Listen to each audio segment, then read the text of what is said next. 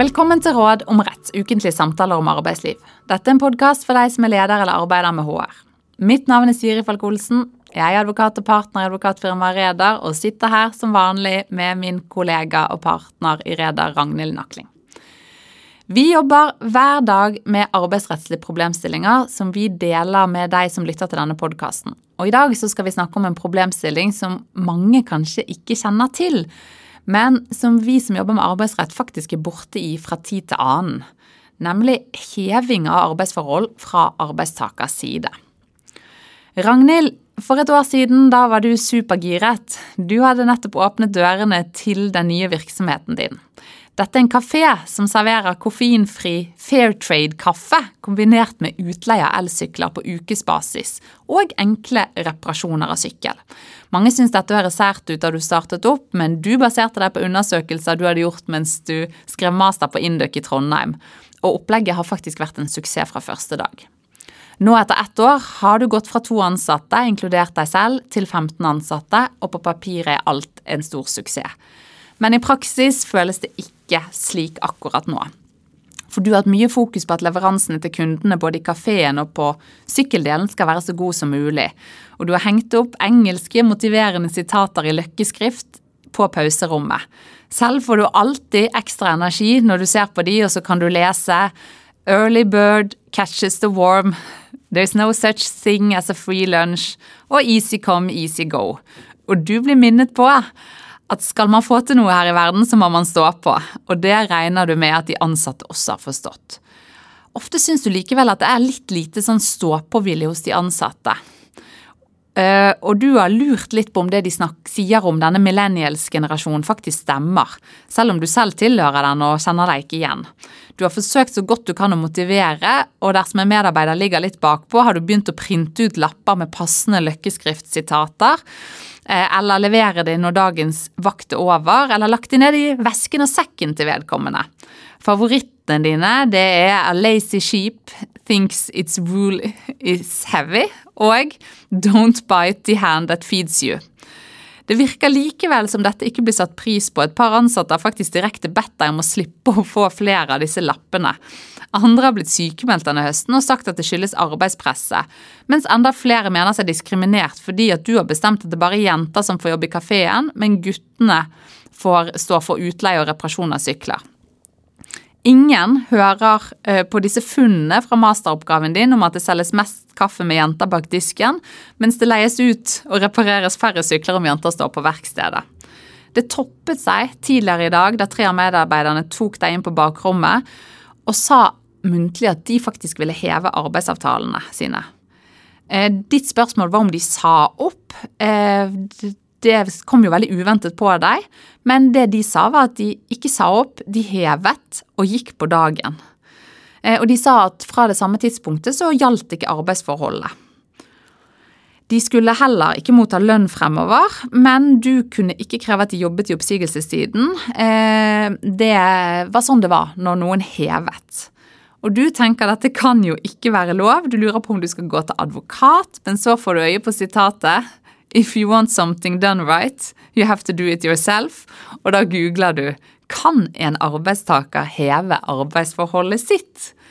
Ragnhild, hva tror du denne daglige lederen finner på nett? Altså Jeg ser jo for meg at hun finner enda et sitat på engelsk. All good things must come to an end, eller et eller annet sånn. Men det rette svaret på spørsmålet, det er i hvert fall ja. En arbeidstaker kan heve arbeidsforholdet sitt, altså gå på dagen. Men ikke når som helst, vel? Nei, der er svaret nei. Det er ganske så strenge vilkår som må være oppfylt for at man skal kunne gjøre det. Og det er vel også derfor det er ganske mange, også denne sjefen, som ikke har hørt om heving av arbeidsforhold fra arbeidstakers side. Det er rett og slett Det er vel også kanskje derfor det skjer veldig sjelden. Ja, fordi at eh, for jurister så er heving et litt sånn kjent begrep. Men hva betyr det egentlig med enkle ord at et arbeidsforhold heves? Ja, Det betyr at den avtalen som ligger til grunn for arbeidsforholdet, arbeidsavtalen, at den heves, den opphører å eksistere. Og da opphører også samtidig alle rettigheter og plikter som henger ved da, arbeidsforholdet. Arbeidsplikt, lønn, pensjon, forsikringer osv. Så her har altså de ansatte rett. Eh, at etter, i et arbeidsforhold, etter at arbeidsforholdet er hevet, så står begge parter fritt til å gå på dagen. Eh, de ansatte her i dette caset de slipper å komme tilbake og se flere løkkeskriftsitater. Eh, men de har ikke da krav på lønn, er det riktig? Ja, det er riktig. Arbeidsforholdet har opphørt å eksistere. Det er ikke sånn at det aldri har eksistert, men det gjør det ikke lenger fra og med arbeidstakerne ga beskjed om at vi hever arbeidsforholdet. Eh, det er kanskje flere som har hørt om heving av arbeidsforhold fra arbeidsgivers side, det som på en måte kalles for avskjed. Kan ikke du si litt om det eh, før vi går inn på dette med heving fra arbeidstakers side? For det med avskjed er jo en slags parallell da, til ja, dette. det er det. Det er et eget tema som vi sikkert skal ha en egen episode på en annen gang, men reglene i arbeidsmiljøloven om avskjed den står i paragraf 1514, og den ble lovfestet i 1977. Men det var praksis fra at man hadde rett til å heve et arbeidsforhold fra arbeidsgivers side før den tid også. Og hovedvilkåret der er jo hvis det foreligger grovt pliktbrudd eller vesentlig mislighold fra arbeidstakers side. Da kan arbeidsgiver heve arbeidsavtalen, avskjedige arbeidstakeren, og arbeidsforholdet opphører da med tilhørende rettigheter og plikter på dagen. Og altså sånn, De typiske eksemplene på forhold som kan gi grunnlag for avskjed, det er jo ofte straffbare forhold eller økonomiske misligheter eller misbruk av arbeidsgivers tillit over tid eller veldig grove enkelthendelser. Men som, som du var inne på, terskelen er jo høy, og det skal jo absolutt noe til for å benytte avskjed istedenfor oppsigelse. Ja, absolutt. Og på akkurat samme måte så skal det noe til å fra som arbeidstaker heve arbeidsforholdet sitt istedenfor å si opp stillingen sin sånn som man normalt gjør. Og hva skal så til? Hva skal til da for at eh, en arbeidstaker kan heve ikke arbeid- og oppsigelsestiden og nærmest da gå på dagen? Ja, Det som skal til er veldig kort sagt mye. I motsetning til avskjed så er jo ikke heving fra arbeidstakers side lovregulert. Det er veldig sjelden behandlet i domstolene, og det er ganske sparsomt med juridisk teori. Men vi har jo noen utgangspunkter òg. Heving, da skal det vesentlig mislighold til. Det er en snever unntaksregel. Det som må være oppfylt, er jo dette med, ja, som jeg nevnte nå nettopp, da, vesentlig mislighold. Og mange vil jo kanskje kunne kjenne seg igjen i den formuleringen fra avtalerettens verden. Eh, for heving av kontrakt eller heving av avtaler, det eksisterer jo også utenfor arbeidsrettens område. Absolutt, og det er jo her man har på en måte hentet da, dette med heving fra. Misligholdet må gi rimelig grunn til at man kan si nå jobber jeg ikke her lenger, arbeidsavtalen er ferdig. Og det sentrale det er jo det objektive avviket fra den hva skal vi si, ytelsen man skulle hatt eller fått, og sånn som virkeligheten er. Er det et graverende nok brudd, et vesentlig nok mislighold fra arbeidsgivers side, til at du som arbeidstaker kan heve arbeidsavtalen og gå på dagen? Er det noe annet som, som trekkes inn i vurderingen? Ja, altså eh, i rettspraksis de har jo sett på bl.a. hvilke handlingsalternativer har man. Og som arbeidstaker så er det jo et handlingsalternativ du i hvert fall alltid har. Du kan si opp stillingen din. I motsetning til arbeidsgivere som må oppfylle vilkår for å si opp et arbeidsforhold, så kan du som arbeidstaker alltid si opp stillingen din. Men så er det jo da at da må du jo jobbe i oppsigelsestiden som et utgangspunkt. Og i noen få tilfeller så er det så vesentlige mislighold fra arbeidsgivers side at man er gitt en rett til å heve.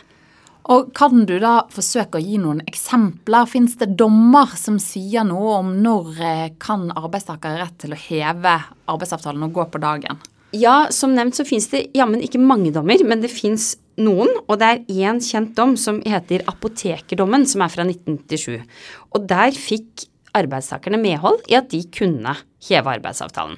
Og der syns jeg Høyesterett egentlig formulerte seg veldig godt, som de jo ofte gjør, men de skrev bl.a. at når det gjelder konflikter grunnet til kommunikasjon og samarbeid, vil årsaks- og ansvarsforholdene kunne være meget vanskelig å trenge inn i. Ikke bare arbeidsgiveren har plikter i så henseende. Også arbeidstakerens plikter må tas i betraktning. Og de understreker også at etter mitt syn så skal det meget til for at det kan bli tale om vesentlig mislighold og erstatning i et slikt forhold. Så kan du si noe om bakgrunnen for at arbeidstakerne i den konkrete saken hevet arbeidsavtalene sine? Så vet vi litt mer om hva som skal til, fordi at da kom jo, sånn som jeg forstår Høyesterett, til at arbeidsavtalene til flere kunne heves. Gjorde ikke de det? Det stemmer. Og saksforholdet, det var Det var en apoteker som hadde flere ansatte i tur og orden, og flere av de flere ganger ble samtidig sykemeldt pga. arbeidsmiljøet. Bedriftshelsetjenesten hadde vært inne, en legemiddelinspektør hadde vært inne, fagforeningene til partene hadde vært involvert over lang tid, og til og med Statens helsetilsyn ble trukket inn, så her hadde det vært mange til stede. Og apotekeren, selv om da Høyesterett hadde en veldig god uttalelse som jeg leste opp nettopp, som knyttet seg til dette med at det er vanskelig å trenge inn og si ikke sant, hvem har skylda. Det er jo som oftest ikke svart-hvitt. Men her var det tydelig at apotekeren hadde fått beskjed flere ganger fra eksterne om at arbeidsproblemene i stor grad skyldtes hennes detaljstyring og lederstilen hennes. Og blant annet så kommuniserte hun i stor grad med de ansatte utelukkende via lapper, som ble lagt igjen i lokalene, ofte etter stengetid, sånne gule Post-It-lapper. Um, og her syns jeg også jeg ble veldig fristet til å lese opp da hva Høyesterett skriver eh, om akkurat dette. I utgangspunktet er en kommunikasjonsform med lapper og telefakser vanlig og praksis, praktisk. Det var i hvert fall vanlig med telefaks inne på 90-tallet. Enkeltvis kan lappene heller ikke anses som noe problem. Det som imidlertid preger saken, er detaljene som kunne bli tatt opp, og mengden av lapper. Til dels med en ubehagelig tone, selv om noen hadde et alminnelig hyggelig innhold. Ankemotpartene, altså de ansatte, ble stadig møtt med lapper om hva de skulle gjøre, hva de hadde glemt eller gjort galt. Til dels om forhold som måtte fortone seg som bagateller. Mange av lappene var til bestyreren, men de kunne også være rettet til de andre. Dette var en uheldig form for enveiskommunikasjon, som gjorde diskusjon om spørsmålene vanskelig. Lappene og det øvrige bevismaterialet viser at apoteker A la seg opp i detaljer helt ned til å fjerne julepynt og informasjonsmateriell fra skranken på apoteket. Denne form for detaljstyring og kommunikasjon måtte gi inntrykk av overvåkning og nedvurdering av de ansatte, og var etter min mening egnet til å skape usikkerhet og utrygghet i arbeidet. Ja, og Ragnhild, da er det vel ganske åpenbart hvor, hvor, vi har hentet inspirasjon til casen vår fra. Men det var vel ikke utelukkende pga. denne lappekommunikasjonen at Høyesterett kom til at arbeidsavtalene var vesentlig misligholdt, sånn at arbeidstakerne kunne heve. Var det det? Var ikke det litt andre ting òg? Jo, det var det. Og det var egentlig mest at denne er noe av det man husker aller best. Det var flere forhold. Det var et ualminnelig dårlig arbeidsmiljø på apoteket, skriver Høyesterett, som gikk utover de ansattes helse og velferd, og som arbeidsgiveren måtte vært klar over. Og når Høyesterett sier ualminnelig dårlig, altså på vanlig norsk da, så betyr det egentlig veldig kjempe, mega, utrolig, helt eksepsjonelt dårlig. Eh, bare så det er klart. Ja, sånn at det er klart et normalt arbeidsmiljø med gode og dårlige elementer, som det oftest er, det gir ikke grunnlag for heving, gjør det vel? Nei, det må noe ekstraordinært til. Og dette kan jo enten knytte seg til forhold som er litt vanskelig å vurdere, sånn som arbeidsmiljø, det er krevende å vurdere, eller det kan knytte seg til enklere forhold som f.eks. manglende utbetaling av lønn. Men hvis vi da prøver å si noe om vår case, da. Eh, vi vet jo ikke alt, men basert på det vi vet med disse lappene, tenker du at arbeidstakerne hadde rett til å heve arbeidsforholdene i denne saken? Jeg, jeg syns den er ganske vanskelig, fordi hvis det f.eks. hadde vært manglende utbetaling av lønn, så hadde det vært ganske klart. Det er hovedytelsen. Får du ikke lønn, så kan du heve. I hvert fall etter en viss tid. Eh, litt avhengig av hvor lang tid det varer at du ikke får lønn, da. Men her er det på en måte mer det at ja, det har vært en del sykemeldte ansatte. Det kan det være mange steder. Eh, hun har kommunisert med lapper på en sannsynligvis ganske uheldig måte. Det er ikke bra, men det er ikke det samme som at det er grunnlag for heving. Og så kan det jo virke som hun har diskriminert, vil jeg si. Eh, absolutt. Men det er kanskje et stykke igjen altså, til å si at de kunne heve arbeidsforholdene sine. Det er i hvert fall sånn at man skal ha i mente at det skal en del til. Og det er vel også noe av grunnen til at arbeidsforhold ikke heves så veldig ofte.